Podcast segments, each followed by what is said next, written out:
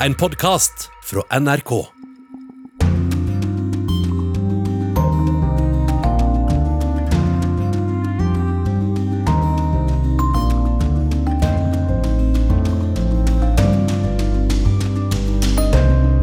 I dag deles Nobel fredspris ut, mens det er krig i Europa, og prisvinnerne vil ikke la seg intervjue sammen.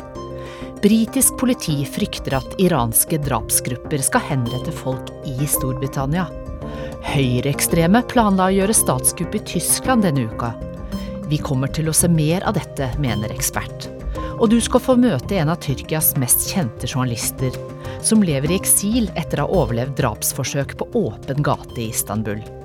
Ukas korrespondentbrev tar det med til det politiske kaoset i Brasil. Velkommen til Urix på lørdag, som absolutt vil gi deg og de små grå noe å tygge på. Jeg heter Anja Strøn. The Norwegian Nobel Committee has decided to award the Nobel Peace Prize for 2022 to one individual and two organizations. Det kunngjorde Nobelkomiteens leder Berit Reiss-Andersen i oktober, og utdypte at Nobels fredspris for 2022 går til menneskerettsforkjemper Ales Bialetskij fra Belarus, den russiske menneskerettighetsorganisasjonen Memorial og den ukrainske menneskerettighetsorganisasjonen Center for Civil Liberties. Og i dag, som alltid på Alfred Nobels dødsdag, så skal prisen, eller prisene, utdeles. Og like sikkert så er det at du er på plass for å rapportere om dette, Knut Magnus Berg. Og hva skjer akkurat nå? Ja, nå uh, står jeg foran rådhuset i uh, Oslo sentrum. Det er en nydelig vinterdag. Strålende sol fra klar himmel, et par-tre minusgrader. Og her i rådhuset skal jo den store seremonien begynne klokka ett. Og eh, da vil fredsprisvinnerne være på plass, bortsett da, som vi vet, fra for eh, Ales Bialatski, som jo sitter fengsla i Hviterussland, og som er representert her i Oslo med eh, kona. Så eh, i dag er det seremoni i Oslo rådhus, og så eh, går det slag i slag gjennom dagen. Du var jo til stede da årets prisvinnere ble kunngjort, og minn oss kort om begrunnelsen, eh, Knut Magnus. Det var nok veldig viktig for Nobelkomiteen i år å adressere det at eh, det er en krig i Europa. Krigen i Ukraina lå nok under som et, eh, et slags premiss, og det komiteen da valgte å gjøre, var jo å løfte fram menneskerettighetsaktivister i Ukraina og eh, landene rundt. Eh, og slik sett så har vi fått en eh, pris som løfter fram viktigheten av sivilsamfunnet i arbeidet med å skape fred, med en eh, prisvinner fra Belarus, en russisk organisasjon, Memorial, og altså dette Senter for sivile rettigheter i Ukraina. Ja, hva vil du si skiller årets prisutdeling fra tidligere år, når du har dekket det? Ja, dette er jo en, en pris uh, der, der, nok uh, det var veldig som sagt, viktig for komiteen å adressere den krigen som er i Europa. Og derfor fikk en en, en pris som uh, er litt annerledes i den forstand at den er delt i tre, og at en valgte å løfte fram menneskerettighetsforkjempere på den måten som en har gjort. Det har jo også skjedd før, men det er nok det som er hovedmotivasjonen for denne prisen. Takk til deg, reporter Knut Magnus Berge. Og selve utdelingen skjer altså klokken ett. Og det kan du da også følge på fjernsynet. Og vi går da til det krigsrammede landet Ukraina, hvor du eh, er nå korrespondent Åse Marit Befring. Den ukrainske menneskerettighetsorganisasjonen Center for Civil Liberties, som får fredsprisen, har gjort en unik jobb med å dokumentere krigsforbrytelser mot sivile. Hva innebærer det? Det har du sett på? Ja, så De har jo da systematisk kartlagt og avhørt eh, vitner, pårørende, overlevende eh, etter eh, alt fra drap, tortur, bortføringer og andre krigsforbrytelser som russerne har stått bak. Og de har også sett på skader av bygninger forårsaket av flyangrep og artilleri. Mener at dette også omfatter krigsforbrytelser. Så har de knyttet til seg frivillige over hele landet, som da går ut, tar bilder og, og, og kart, kartlegger steg for steg, skriver rapporter for systematisk å, å få et totalt bilde over overgrepene som skjer. Og til nå så har de da 27 000 saker som de karakteriserer som krigsforbrytelser og forbrytelser mot menneskeheten. Mm. Hva tenker de om Nobelsprisen, da? Det eh, er et eh, Altså for organisasjonen så betyr det jo at de håper at eh, det arbeidet de gjør, får mer oppmerksomhet. At det vil gi på en måte mer styrke og kraft ut i verden. De håper jo på rettferdighet. De mener at man må stille de ansvarlige for, for domstolen. Da er det snakk om Putin og andre i hans krets Eh, og de ønsker et rettsoppgjør, en egen internasjonal domstol, som da skal stille dem til rette. Men samtidig så sier de også at det er veldig viktig for dem eh, at eh, man ikke glemmer hver enkelt sak, og at det også er en del av den jobben de gjør. At de kartlegger hver enkelt person, så ikke det som skjedde mot den personen skal bli glemt. Takk skal du ha, Åse Marit Befring med fra Ukraina. Og for å forstå hvor viktig jobben til årets prisvinnere er, så må vi jo forstå hvordan folk har det. Og i Belarus så fortsetter regimet å slå brutalt ned på all motstand. Siden de store demonstrasjonene i 2020 så er over 35 000 mennesker pågrepet, og en av dem som har fått føle på kroppen hva det belarusiske regimet er villig til å gjøre, er 25 år gamle Darja Kulørtsova. I en liten park i sentrum av hovedstaden Minsk har folk tent lys og lagt ned blomster. Det er en novemberdag i 2020, og de som har møtt fram, har kommet for å minnes en demonstrant som få dager tidligere døde på sjukehus etter å ha blitt banka opp av politi. Den 23 år gamle journalisten Daria Sjultsova og kollegaen hennes er også på plass og skal sende direkte. Men markeringa blir ikke fredelig.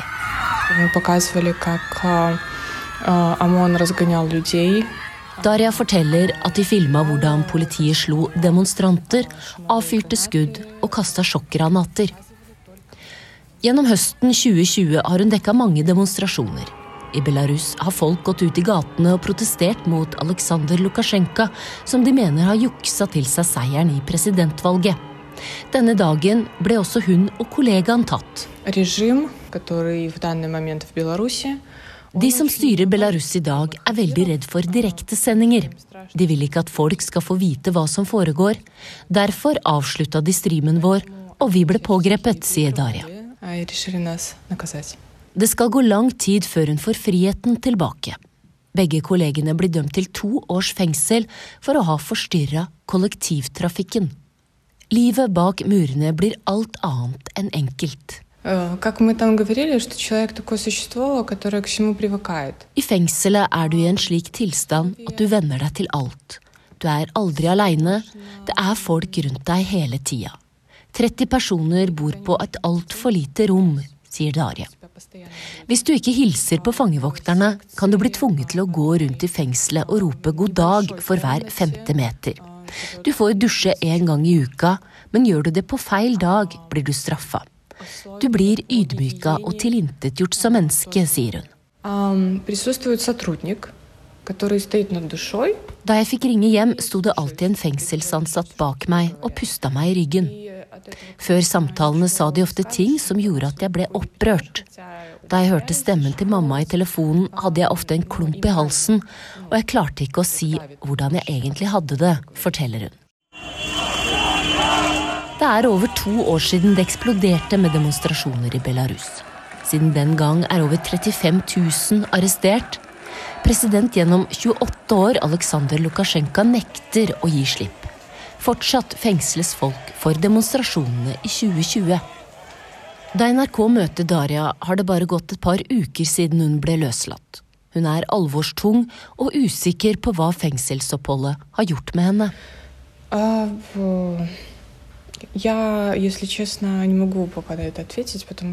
Jeg veit ikke hvordan det egentlig står til med meg. Da jeg ble løslatt, var det også blitt krig.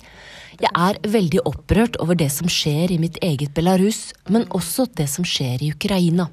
Daria vil fortsette å jobbe som journalist, men nå fra nabolandet Polen.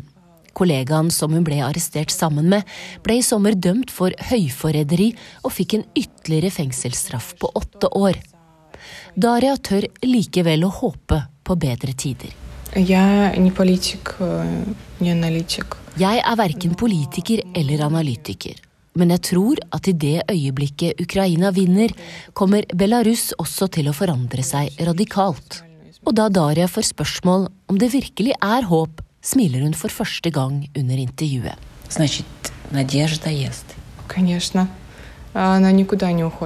Selvfølgelig er det håp. Håpet forsvinner aldri. Det fortalte reporter Kari Skeie, og vi holder oss til Nobel og krig som tema. Og tar med oss korrespondent Gro Holm fra Moskva. God formiddag, Gro. Ja, hei, hei. Og i studio tidligere korrespondent Jan Espen Kruse. Velkommen. Og du har fulgt fredsprisvinnerne siden de landet på norsk jord. Eh, Gro, det kom mildt sagt en spesiell dom i Russland mot den tidligere lokalpolitikeren Ilja Yashin i går som henger sammen med det som skjedde i Butsja. Hva, hva sa denne dommen? Ja, Den sa at Ilja Yashin hadde spredt uriktig informasjon om den russiske hæren.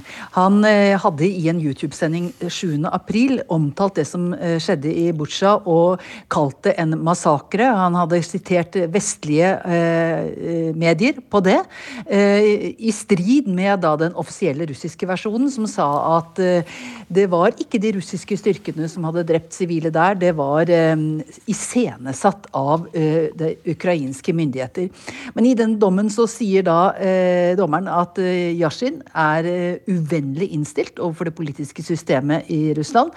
At han bestrider nødvendigheten av å sikre Russland mot ytre farer, og skjære gjennom når det gjelder å forsvare rettighetene til borgerne i Luhansk og Donetsk. Det er altså i domsbegrunnelsen. Og så må da Yashin forberede seg på åtte og et halvt år i eh, straffekoloni i, eh, i arbeidsleir. Både du, Gro, og Jan Espen her i studio ser jo det som skjer nå med litt andre øyne med den erfaringen dere har fra Russland. Og Jan Espen, hvor unikt er det som skjer nå? Jo, det er jo svært spesielt. Eh, dette er jo eh, kanskje den fremste politikeren nå som har blitt, uh, fått en så kraftig dom. Uh, åtte år og seks måneder er jo, er jo voldsomt. Han er jo også bystyremedlem i, i Moskva. og dette er et resultat av en lov som ble vedtatt i mars i år, hvor det altså er forbudt å komme med uttalelser som russiske myndigheter oppfatter som eh, falske mot den russiske hæren. Eh, I sommer så ble et annet bystyremedlem også dømt. Det var til sju års fengsel. Eh, men det, det, viser jo altså for å komme med uttalelser hvor man er uenige med myndighetene, så risikerer man altså masse år i fengsel. Og det sier jo kolossalt mye om systemet. Mm. Og dette vil vi kanskje se mer av, Gro? Ja, det tror jeg. Eh, det er ikke noe tvil om at de kommer til å bruke eh, disse nye lovene, som forbyr å spre det Russland kaller uriktig informasjon, eller falsk informasjon om eh, spesialoperasjonen som de jo kaller krigen i Ukraina her. Men, men Gro, denne uken så møtte også Putin Menneskerettighetsrådet som faktisk finnes i Russland. Virker nesten utrolig for, for noen av oss, men uh, det ble en litt spesiell seanse, har jeg forstått? Altså dette Menneskerettighetsrådet det har røtter tilbake til 1993. og i, perioder så har det eh, hatt ganske kritiske medlemmer, og folk som har stilt virkelig kritiske spørsmål. Men nå i november, foran, eh, foran møtet eh, 7.12., så ble ti av medlemmene byttet ut for, som Kremls talsmann sa, gjenspeile synspunktene i befolkningen. Um, og det betyr at uh, det, kom folk som var mindre kritiske, og ifølge avisa Business Insider så, skal også folk ha fått beskjed om ikke stille for kritiske spørsmål om mobilisering eller om dødstall f.eks. i Ukraina. Og Putin sa da under dette møtet, han står jo fram som den store læreren, um, at Vesten bruker internasjonale menneskerettigheter for å beholde sin dominans. Eh, og at dette vil Russland ha slutt på, og at Russland vil eh, ha sine egne definisjoner av menneskerettigheter. Og et medlem av dette rådet sa etterpå at ja, de er opptatt av rettighetene til f.eks. borgerne i Luhansk og Donetsk. Eh, I de nye da tvangsinnlemmede delene, som vi sier, av Russland, altså ukrainske fylker. Så de har en helt annen av, oppfattelse av hva menneskerettigheter er?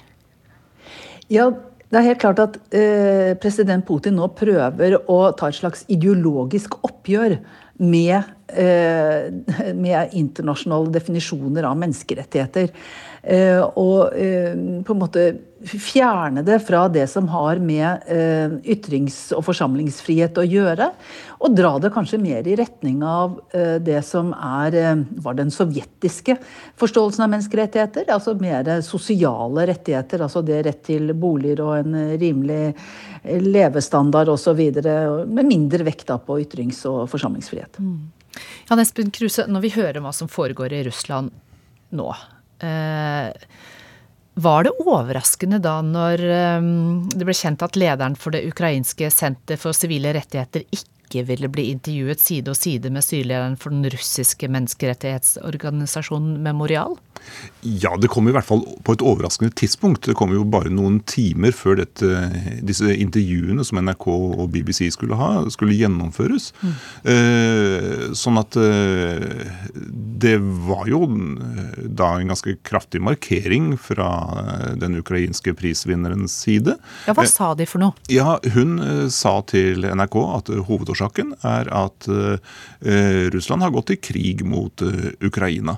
Og derfor er det viktig å få klart fram eh, Ukrainas standpunkter, synspunkter på denne krigen og på den tragiske situasjonen som utvikler seg i landet. Og For å få til det, sa hun, så var det viktig at, de, at hun hadde sitt eget intervju, og ikke satt sammen med Jan Ratsjinskij, denne russiske representanten fra Memorial. Det var hovedbegrunnelsen. og, og Eh, Raczynski sa til NRK at han eh, hadde forståelse for avgjørelsen. Eh, at det var vanskelige omstendigheter som gjorde at de måtte gjøre det på, på denne måten. Har det fått noe oppmerksomhet i Russland, Gro? Det at de ikke vil Nei, ikke snakke samtidig? Eh, ikke så vidt jeg kunne se, i hvert fall ikke i de offisielle mediene. Eh, og, og, det er kanskje ikke så rart. Det er lite oppmerksomhet om fredsprisen i det hele tatt. Eh, etter altså selve dagen da det ble kjent hvem som fikk det, da, da var det gjengitt. Og det var og det er ganske interessant at i hvert fall flere av avisene de gjenga eh, veldig ordrett Nobelpris Nobelkomiteens begrunnelse eh, for alle prisene, også for Memorial. Mens eh, du kan si det mer mest, En av de mest regimetro eh, nyhetsbyråene her, Ian Novosti, de legger stor vekt på at Memorial er en organisasjon som er oppløst.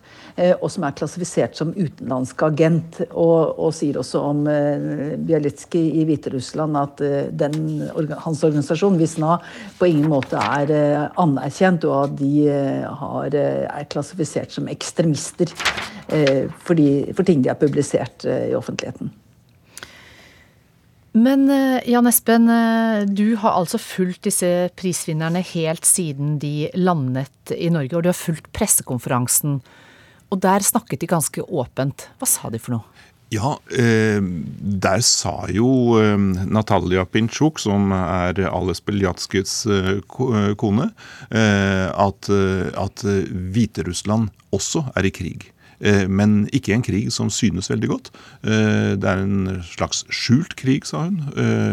Og at folket har mistet sin mulighet til å si sin mening, og hvor man kan bli fengslet bare for å ytre et eneste ord, var hennes eh, formulering.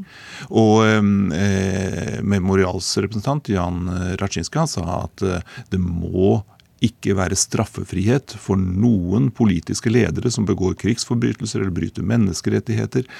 Så han var også veldig tydelig. og Det var vel ingen som var i tvil om hvem han siktet til når han nevnte dette med politiske ledere. Sånn at Eh, de har kommet med veldig sterke og klare uttalelser. Eh, og så blir det jo spennende å se hva de sier i nobelforedragene sine om kort tid i dag. Eh, men det kanskje ikke alle nordmenn forstår helt, er hvor, hvilken risiko disse utsetter seg for ved å komme med slike klare uttalelser eh, direkte mot landets myndigheter. Én ting er eh, kanskje kan det bli vanskelig for dem å komme tilbake. Eh, de risikerer jo fengsel, de risikerer forfølgelse ved å ta så klare standpunkt. Natalia Pinchuk hun har tidligere holdt en lav profil, og, og, men nå står hun veldig tydelig fram på sin manns linje. Eh, og det er også noe helt nytt som har kommet nå, og det gjør også at hun risikerer enda mye mer. Hva tror du det kommer av at hun våger det nå? Jeg tror det er, har med Nobels fredspris å gjøre. Tildelingen ser de på så, som så viktig Eh, at eh, i den forbindelse, når de skal holde pressekonferanser her i Oslo, når de skal holde Nobelforedraget, at eh, dette er en mulighet som er så viktig for dem at den er de nødt til å bruke til å få sitt budskap klart og tydelig fram. Og det er vel bakgrunnen for at de tar disse sjansene. Memorials leder, Rashinski, han sa at min person er ikke viktig. Eh, så han bare avfeide eh, spørsmålet om eh, den personlige risikoen han tar. Men den er der uansett. Gro, helt til slutt her. Tror du dette vil få konsekvenser?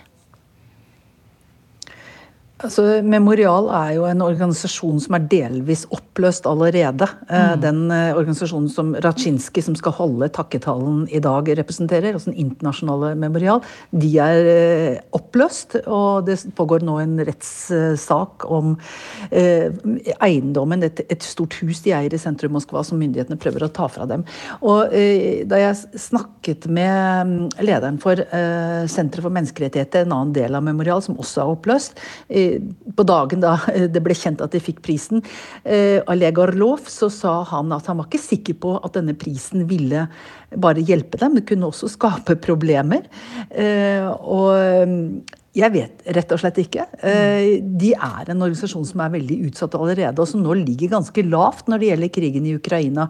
Fordi de prioriterer å hjelpe enkeltmennesker som nå er forfulgt. Mm. ved å gi råd, tilby advokathjelp osv. Så, videre. så har de, de, de har altså i offentligheten ligget ganske lavt. Og det tror jeg kanskje de kommer til å fortsette å gjøre når de kommer hjem. Takk, eh, Gro Holme fra Moskva og Jan Espen Kruse her i studio. Og en av de som også har våget å si det hun mener, det er den belarusiske opposisjonslederen Svitlana Tikhanovskaja, som også er i Norge i forbindelse med utdelingen av eh, prisen. La oss høre på henne. Krigen i Ukraina har forandra mye, også for belarusere. Helt uventa for oss ble vi del av den angripende part i denne krigen, og vi har måttet bruke en del tid på å forklare ukrainere og andre nasjoner at det er det belarusiske regimet som angriper, og ikke det belarusiske folk. Og folket står sammen med ukrainere, noe vårt folk har bevist, selv om de blir utsatt for undertrykkelse og vold. Våre partisaner har ødelagt jernbaner, det finnes belarusiske frivillige som kjemper i Ukraina. Andre som deler informasjon om russiske troppeforflytninger. Det sier Svetlana Tikhanovskaja, akkompagnert av smektende pianosfisker på Grand Hotell i Oslo. Den belarusiske opposisjonslederen har vært i eksil siden 2020. Mannen hennes Sergej ble fengsla to dager etter at han annonserte at han ville stille som presidentkandidat. Svetlana Tikhanovskaya. Svetlana Tikhanovskaya, welcome to the program. We are honored to be joined by Svetlana Tikhanovskaya. Tikhanovskaya har de siste to årene møtt statsledere over hele kloden for å samle støtte til den belarusiske demokratikampen, som har havna i skyggen av krigen i Ukraina. Uh, Hun håper at Nobels fredspris til den belarusiske menneskerettighetsforkjemperen Ales Bialetsky vil endre på dette. Like that, uh, Prisen er en påminnelse til verden om at Belarus ikke er glemt og ikke forlatt. Den vil gi mer oppmerksomhet til den belarusiske kamp. For nå er ikke Belarus i fokus, og vi må gi tyranniet og terroren i vårt land litt oppmerksomhet. Og det faktum at nobelprisvinneren Bieletsky er i fengsel, vil rette søkelyset til alle de politiske fangene. Tikhanovskaja forteller at hun siden 24.2 har jobba for å forhindre at hennes landsmenn deltar i den russiske krigen i Ukraina. Started, uh, siden krigen starta, har vi pressa på for at belarusiske tropper ikke skal delta i krigen. En kampanje av mødre som overtalte sine sønner til å ikke verve seg til den russiske hæren. Dette er noe vi jobber med fortsatt. Nå av jeg sagt at mange av mine kollegaer her er opptatt av å vise solidaritet med den bevegelsen du representerer. Tikhanovskaja møtte i går både den norske stortingspresidenten og utenriksministeren. Hun ba om sanksjoner mot Lukasjenkos menn og norsk støtte til å løslate politiske fanger. Men hun er også en bønn til vanlige nordmenn. The most important, I ask Norwegians to loudly differentiate uh, Belarusian regime. Det viktigste av alt. Jeg ber nordmenn om tydelig og høylytt differensiere mellom det belarusiske regimet og det belarusiske folk og det å se forskjellen mellom Belarus og Russland. Det er en tydelig oppfordring, for måten man snakker på, har mye å si. Det sa Svetlana Tikhanovskaja til reporter Sofia Paskevitsj.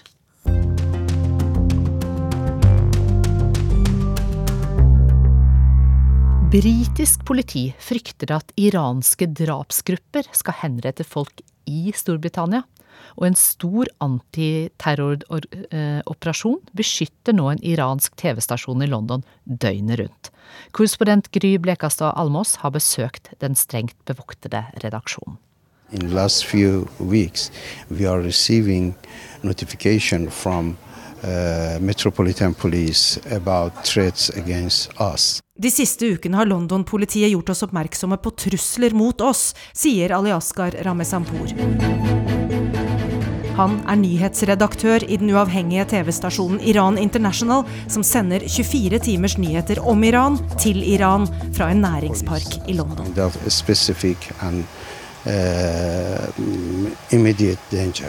Spesifikk og umiddelbar fare er ordlyden politiet brukte. Truslene er rettet mot to av journalistene her, men TV-stasjonen tror det iranske regimet ønsker å bringe hele redaksjonen til taushet. For herfra kringkastes historier om regimets brutalitet.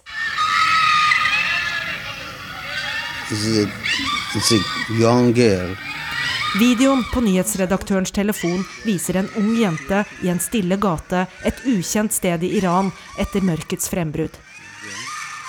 Hun blir banket opp av sikkerhetsstyrker. Yeah, sometimes they don't arrest them. They just they beat them and let them go. Noen ganger slår de folk ned og lar dem gå, forklarer nyhetsredaktøren. Men andre ganger blir folk arrestert eller drept. Los Angeles, Istanbul, Melbourne, Tel Aviv, Toronto, Paris, New York, Frankfurt. Truslene mot TV-stasjonen Iran International tas på høyeste alvor av britisk politi. Inngangene til næringsparken der TV-kanalen har redaksjonslokaler og studio, er blitt sperret av. Metalldetektorer, bommer, pansrede politibiler og væpnet politi er nå på plass døgnet rundt. Det omtales som en av de største antiterroroperasjonene britisk politi har iverksatt mot en privat organisasjon. Do you vi spør nyhetsredaktør Aliaska Ramesampour om han tror på meldingene om at iranske drapsstyrker er i Storbritannia for å kidnappe eller drepe folk. Kidnap og kill. Ramesampour er ikke i tvil. Yes, yes. We can say there are some assassination group and uh, the information that we received from Metropolitan Police here shows that uh, some group have been active here, even in UK, uh, to do something. Han sier at London-politiet har bekreftet at en slik drapsgruppe er aktiv i Storbritannia. Til tross for truslene prøver journalistene å gjøre jobben som normalt. Den består bl.a. i å ta imot rapporter om det som skjer i Iran, og verifisere innholdet i både brutale og rolige protestvideoer.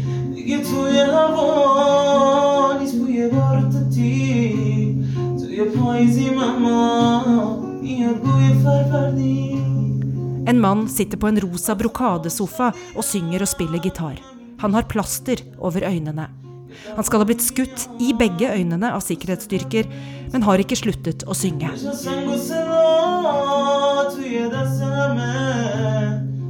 Denne og de andre videoene som nyhetsredaktøren mottar, ruller over TV-skjermer også i Iran. Iran International er den viktigste kilden til usensurerte nyheter i Iran. Here is uh, our talk show presenter. Here is our uh, radio present, uh, producer and presenter. En av videoene viser plakater av TV-kanalens programledere. It is a billboard in the city in Iran, in Tehran. De er etterlyst som kriminelle. Yeah, they say they, yeah, they they the wanted. this. they say yeah. With no reward. Men uten skuddpremie. Kollegaen prøver seg med galgenhumor. Likevel er det ingen tvil om at det er alvor som preger redaksjonslokalene til Iran International. De tror ikke drapstruslene mot dem blir borte med det første. Iranske statsmedier hevder at Iran International er eid av en saudiarabisk forretningsmann, og at Saudi-Arabia står bak TV-kanalen. Iran International avviser at den saudiske stat på noen måte er involvert. When you look at the level of um, security they, they, they, have, they are everywhere. Nyhetsredaktør Aliaska Ramesampour finner en slags trøst i at også landets lederskap føler seg truet av det pågående folkeopprøret. It looks that they are in real concern about um, losing the power in Iran.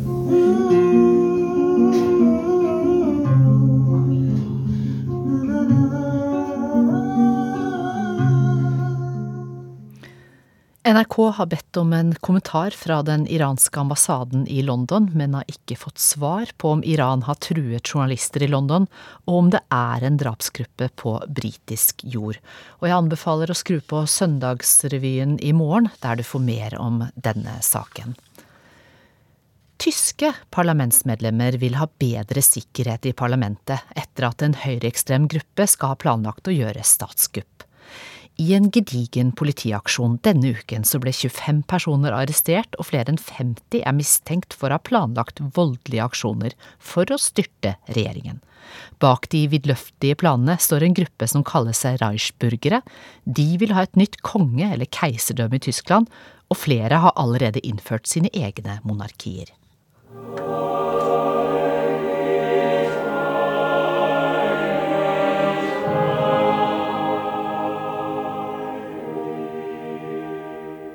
På scenen står en mann kledd i mørk dress, med sort kappe over skuldrene og en enkel sort stav i hånden. Nå er tiden kommet, hører vi en stemme si. Nå skal en ny tysk stat grunnlegges. Mannen vi hører kommentere, heter Peter Fitzek. På filmen ser vi han komme inn kledd i hvit skjorte og sort bukse. På scenen står det et klaver, noen gedigne, flotte kandelabre der stearinlysene er tent, og en stol med overdådige utskjæringer.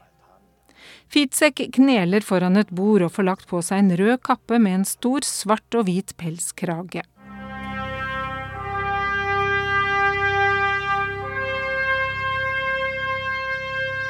Um als auch Så kommer en kvinne inn med rikseple og et septer.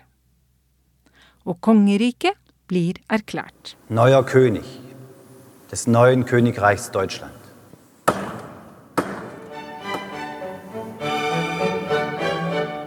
Peter Fitzeks såkalte kongerike ligger i Wittenberg sør for Berlin, og har ifølge ham selv over 3000 borgere. Der etablerte de en egen bank og hadde egen valuta. Men for fem år siden ble Fitzek idømt tre år og åtte måneders fengsel nettopp for å ha drevet bank ulovlig. Fitzek er en av lederne i Reichsburgerbevegelsen. Det som kjennetegner medlemmene der, er at de mener at den tyske staten ikke har noen legitimitet, at den er styrt av seierherrene etter annen verdenskrig. De vil ha en konge eller et keiserdømme, på linje med det Tyskland hadde før 1918. Dette er en broket forsamling, men det som bekymrer tyske myndigheter er hvor mange av medlemmene som er ressurssterke personer med makt og innflytelse. Äh,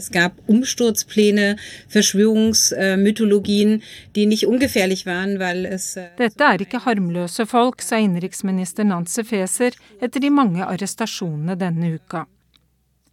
Mange av medlemmene har vært voldsomt kritiske til myndighetenes koronarestriksjoner og vaksineprogram. De har holdninger og meninger som man kan kjenne igjen fra den amerikanske QAnon-bevegelsen. Flere av dem har vært å se i protester utenfor parlamentet. Noen av medlemmene er folk med militærtrening. De er politifolk, tidligere politikere og adelige, og de skal ikke ha nølt med å ta i bruk vold. Flere av dem skal ha trent med våpen for å angripe forbundsdagen og ta politikerne der som gisler. En av de som ble arrestert i onsdagens aksjon, er Birgit Malsak Winkemann. Hun har representert det ytre høyrepartiet Alternativet for Tyskland i forbundsdagen. Da hadde hun selvfølgelig tilgang til parlamentsbygningen, og skal ha informert sine meningsfeller om rutiner og innganger i bygget. Diskusjon over sikkerhet des Bundestages nach Razzia gegen Reichsbürger. Nå krever tyske parlamentsmedlemmer at sikkerheten rundt bygningen blir bedret. Det fortalte reporter Marit Kolberg, og vi skal holde oss til dette temaet, for eh, Christer Matsson, du er direktør for Segestedsinstituttet ved Göteborgs universitet og har forsket på radikalisering, høyreekstremisme og antisemittisme. Hvor spesielt er det at en så stor gruppe går sammen for å forsøke å styrte den tyske regjeringen? Ja, det är ju verkligen en spektakulär eh, händelse.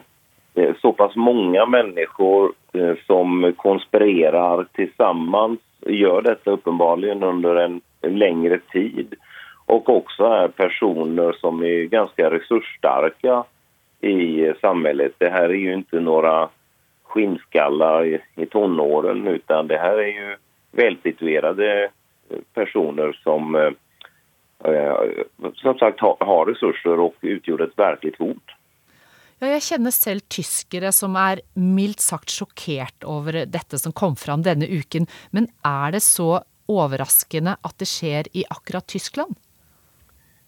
At det skjer i Tyskland er jo naturligvis alltid kjenselig med, med, den tyske historien. Men jeg tror ikke man skal stirre seg blind på eh, at dette er just Tyskland utan det här är någonting som vi ser i hela västvärlden. Det är mindre än två år sedan vi hade försök till en statskupp i USA. Så vi behöver nog snarare se på mönstren än att försöka reda ut om det ena eller det andra västeuropeiska landet har större eller mindre eh, problem. Mm. Hva kan tyske politikere eller tyskere gjøre for å slå ned på dette, da? Om, om man då eh, tänker Tyskland och resten av västvärlden eh, och försöker förstå vad det är för form av eh, rörelse som har att göra med, och då pratar jag inte bara om Reichsbürgerrörelsen utan eh, hela den högerextrema eh. Och då är det ibland riktiga organisationer som till exempel Nordiska motståndsrörelsen som har sitt huvudkvarter i Sverige och är tydliga nynazister. Eh, ibland är det subkulturella grupper som Proud Boys i USA. Ibland är det olika eh, forum på nätet, det nämndes här, Qanon-rörelsen och så vidare. Det de här eh, olika plattformarna så att säga har gemensamt är att de binds ihop av en gemensam ideologi, en gemensam doxa eh, kallar några av oss det för. Och en doxa är en samling värderingar, åsikter, normer, eh, språk eh, som man känner igen sig i. För de enskilda individerna flyter mellan de här olika plattformarna. Men det är den här doxan som håller ihop den. Och den här doxan består av tre stycken, stycken huvudidéer. Det ena är påståendet om att vita människor håller på att bytas ut på vitt territorium mot ikke-vita mennesker. Og det her er noe avsiktlig med syftet at vita mennesker skal opphøre å finnes. Den andre ideen er ideen om dype staten. At eh, regeringarna som styr ikke er de virkelige makthaverne, utan bakom dem så finnes noen andre som har makten. som drar i trådene og får folket dit de vil, så å säga. Och, och demokratiska val är, är, bara ett bländverk för att få folk att tro att de har makt över sina egna liv. Så därför får vi också här ett inslag av eh, de som var emot olika pandemirestriktioner och sånt där. För det ser de som ett uttryck för den djupa staten. Och den djupa staten är nästan alltid judarna. Så det är en, eh, en riktigt grovt antisemitisk rörelse eh, det här också då. Mm. Och den tredje delen är eh, antifeminism där man menar att vita män har feminiserats och blivit försvagade och kan inte längre försvara sig själva eller sitt folk eller, eller vita kvinnor. De här tre idéerna eh, åker omkring i den här rörelsen, attrahera människor men framför allt då eh, mobilisera människor till, eh, till att begå våldsdåd. Mm. Vil vi se mer av slikt i fremtiden, tror du? Ja, det her er noe kontinuerlig. Det vanligste er jo at mennesker som inspirerer av de her ideene, agerer ensomme, som eh, Breivik f.eks. Eh, men den ene ensamagerande inspirerer den andra eh, konkret genom handlingar men också genom de manifest de lämnar, lämnar efter sig. Och de här manifesterna är fulla av eh, de här idéerna. I, I Sverige har vi ju bara i år haft två stycken eh, tillfällen där det har varit individer som i det ena fallet lyckades genomföra fullt ut ett högerextremt terrordåd och i det andra fallet var ett långt eh, framskridet. Så de här dåden hänger ihop med varandra. Och det som skedde i Tyskland nu kommer garanterat också utgöra inspiration, väcka entusiasm eh, i delar av den här rörelsen. Men var och när det händer nästa gång, det är väldigt svårt att säga. Mm. Takk til deg, Christer Mattsson, eh, ekstremismeekspert og direktør ved Segerstedsinstituttet ved Göteborgs universitet.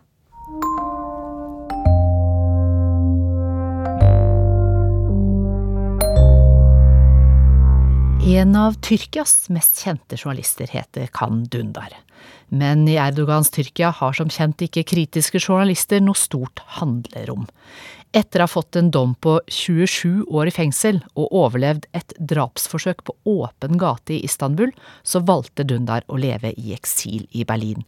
Og i 2015 valgte han å publisere en sak som skulle koste han og familien svært dyrt. It took kind of a day because we got the material and then I immediately decided to publish it. Jeg brukte vel en dag på å bestemme meg, sier John Dundar om avgjørelsen som skulle snu opp ned på livet hans og familiens. For sju år siden var han redaktør i Tyrkias kjente uavhengige avis Jumhuriyet. Til redaksjonen fikk Dundar en video som viste hvordan president Erdogan brukte etterretningen til å smugle våpen inn til jihadister i Syria. Dette var en stor sak siden NATO-landet Tyrkia bevæpnet islamistgrupper, slik at de skulle kjempe mot kurderne, de samme kurderne som var USAs allierte i kampen mot islamistene i IS. Dundar ville ha ut saken raskt men avisens advokat ba ham om å roe seg ned og sove på avgjørelsen. Dagen etter publiserte de, og president Erdogan ble rasende. Smuglingen var Erdogans hemmelighet. Det var derfor han ble så sint, og det er derfor jeg er her nå, sier Dundar. Vi treffer ham i et journalistkollektiv i Berlin, der han jobber med likesinnede fra sitt eksil. Etter avisens avsløring i 2015 ble han og andre kolleger arrestert. Da han og kona Dilek senere ventet på fengselsdommen utenfor tinghuset i Istanbul, kom en mann løpende mot dem. Like, traitor, traitor. Then, uh, han ropte 'forræder, forræder', og så skjøt han to ganger. Jeg løp, og da jeg snudde meg så jeg at kona mi hadde kastet seg over ham for å ta pistolen hans. Really. Dilek reddet livet hans. John Dundar ble dømt til 27 år i fengsel, men siden loven ikke var rettskraftig, dro han til Barcelona 1.7.2016 for å jobbe med en bok. Så kom kuppforsøket 15.07. samme år. Jeg ville hjem med første fly, men så ringte advokaten min og sa at det finnes en liste over journalister som skal arresteres, og der står du øverst. Så bli i utlandet, var beskjeden. Men hvor skulle han dra? Then uh, I need to find a place to live. And I open the map and look at the, the, the countries that I can go. My, Jeg så på kartet for å se på hvilke land jeg kunne reise til. Sønnen vår var i London, og jeg fikk invitasjoner fra både Paris og Stockholm. Jeg dro til flere andre byer også for å sjekke ut forholdene. Men til slutt kom han til at Berlin var best. Med sitt store kurdiske og tyrkiske miljø er det også stor interesse for Tyrkia her. Han hadde ikke rare flyttelasset med seg til Berlin. Yeah, I came here with a luggage full of books because I was writing something, and some summer shoes. Yeah, summer shoes and T-shirts. Nothing else. Jeg kom bare med en bag full av bøker, sommersko og T-skjorter. Jobben i avisen måtte jeg si opp, og jeg forlot familien. Jeg hadde intet kontor, intet hjem. Ingenting hadde jeg. So imagine the age of something like mid 50s. You have to start from the zero, from zero again. Han fikk hjelp fra Reporters Without Borders, Amnesty og kjente her og der. Avisen Ditt Zeit gav ham spalteplass, TV-stasjonen Deutsche Welle gav ham oppdrag, for å nevne noen. En tysk intellektuell hadde en leilighet han kunne bo i. Han begynte som frilanser. Men kona Dilek, som hadde reddet ham fra attentatmannen, fikk ikke reise ut av Tyrkia på tre år. At det er et stort tyrkisk samfunn i Berlin, er ikke bare til hjelp. Halvparten er ihuga Erdogan-tilhengere, og for dem er Dundar en forræder. Når tyrkere på gaten kommer bort til ham, vet ikke han om de vil ta en selfie med ham eller gi ham en på trynet. Det tyrkiske markedet i Kreuzberg kan han ikke gå til. By the way, corona helped me a lot. And with the mask, I traveled a lot in the city. so I went shopping in Kreuzberg several times. Jo, forresten, under koronaen kunne jeg gå dit med munnbind. Dundar har akkurat gitt ut en tegneseriebok om Erdogans liv. John Dundar mener at Erdogan er en begavet politisk spiller, men advarer samtidig verden mot den autoritære lederens maktspill. Og nå er Dundar opprørt over at Sverige har endret på en terrorlov for å komme president Erdogan i møte, slik at Tyrkias sterke mann til slutt skal slippe svenskene inn i Nato. John Dundar er kjent både som journalist, forfatter og filmskaper. Journalisten med det sølvfargede håret er karismatisk, imøtekommende og ydmyk, og ikke bitter til tross for at han ikke aner når han kan komme hjem til sitt kjære Istanbul. Hvor er tegningene du laget i fengselet, spør jeg, kan vi få se dem? Nei, dem har tyrkiske myndigheter tatt, sier han, i tillegg til alt annet jeg eier, huset mitt inkludert. Eller halve huset, rettere sagt. Min del. Half of the rent is going to my wife, and half is going to Erdogan. So your wife is in a company with Erdogan? exactly. They are running the business together. For nå eier kona mi huset sammen med Erdogan, sier han lattermildt. Han og familien har betalt en svært høy pris for hans journalistikk, og jeg lurer på én sak. Diskuterte han publiseringen av våpensmuglersaken med kona Dilek? No. That's, that's uh, kind of. Dessverre gjorde jeg ikke det. For våpensmuglingen var jo en kjent sak i Tyrkia. Forskjellen var bare at vi hadde bildene. I didn't know that this story will change our lives forever. Det fortalte Kan Dundar i Berlin til Sissel Wold, og det blir mer om dette i Søndagsrevya. Ukas korrespondentbrev er postlagt av Arnt Stefansen i Brasil. Hva driver han egentlig med, spør folk her i Brasil. De mener Jair Bolsonaro, landets president. Siden han tapte valget den 30. oktober, har den tidligere så frittalende politikeren praktisk talt forsvunnet fra offentligheten. Etter valget tok det to døgn før han kommenterte nederlaget, og tre uker før han gjenopptok sitt virke i presidentpalasset. Da han uteble fra en av sine embetsoppgaver og møte nye ambassadører for å motta deres akkreditiver, var det visepresidenten Hamilton Moran som stilte opp. Han hadde følgende forklaring på sjefens fravær. Han har et sår på beinet som gjør at han ikke kan ha på seg bukser. Han kan vel ikke møte ambassadørene i bare underbuksa, sa visepresidenten. Nå er det ikke uvanlig at en avtroppende president tar mindre plass i nyhetsbildet, og at interessen knytter seg til den som skal overta. I dette tilfellet venstrelederen Lula da Silva. Men Bolsonaros fravær og taushet er påfallende og blir jevnlig kommentert i mediene. Bolsonaro gjør nesten ingenting, lød en overskrift i storavisen Folia de Sao Paulo noen uker etter valget. Og avisen la frem presidentens offisielle program, som var særdeles tynt. Men det er ikke bare kritikerne som reagerer på Bolsonaros fravær. Hans tilhengere har gjennomført omfattende aksjoner og håper at kapteinen, som de kaller ham, vil stille seg i spissen for en protest mot valgresultatet. Mange av dem har satt seg ned foran forlegninger rundt om i landet med krav om at de militære overtar makten. Men nå er demonstrantenes tålmodighet i ferd med å ta slutt, skal man tro kommentarene på sosiale medier. Kaptein, jeg har nå tilbrakt 25 dager foran militærleiren. Jeg sulter og fryser, men jeg er en patriot og vil redde landet fra kommunismen. Skjer det noe snart? spør en av dem. En annen skriver på Twitter. Jeg har vært i beredskap i en måned her ved leiren, og jeg venter fortsatt på din ordre. Jeg er klar til innsats. For Guds skyld, president, gi oss et tegn. Og Bolsonaros motstandere kan selvsagt ikke dy seg for å komme med spydige kommentarer. En av dem har lagt ut et bilde av presidenten med et av hans mest kjente og beryktede sitater.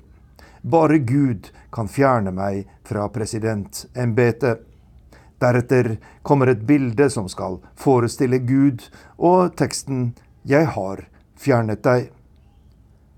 Men Bolsonaro viser ingen vilje til å gjøre som sitt store forbilde Donald Trump og hisse sine tilhengere til frontalangrep mot landets demokratiske institusjoner.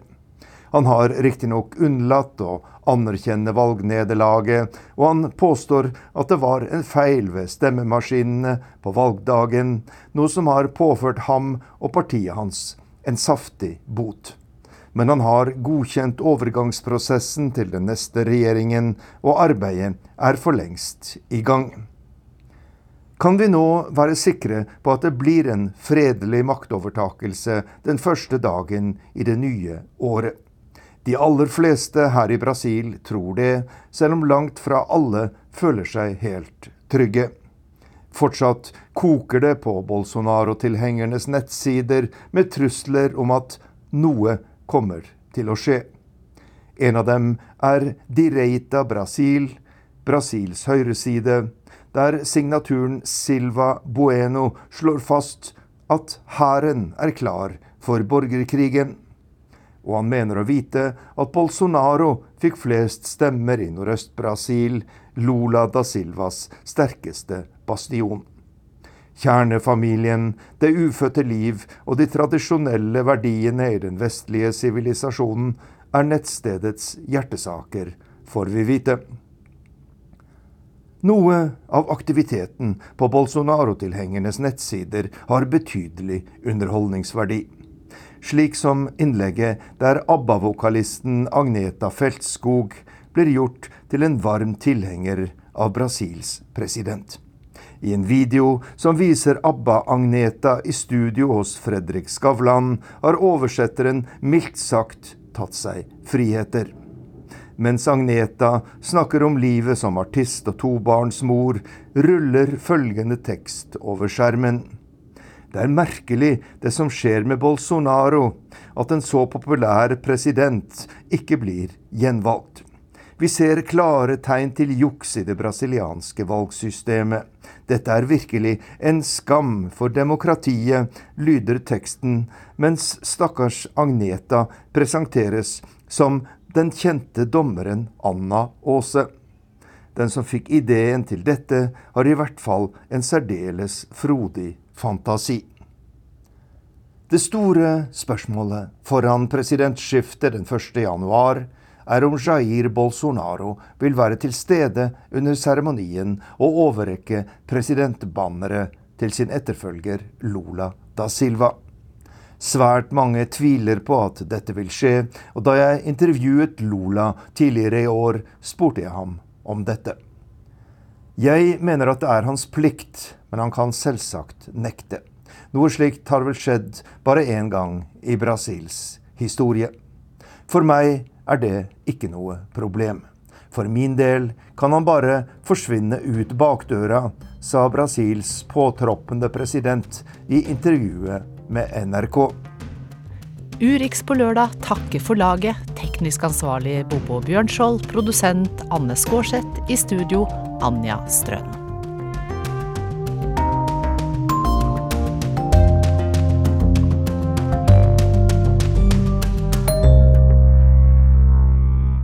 Du har hørt en podkast fra NRK. Hør flere podkaster og din favorittkanal i appen NRK Radio.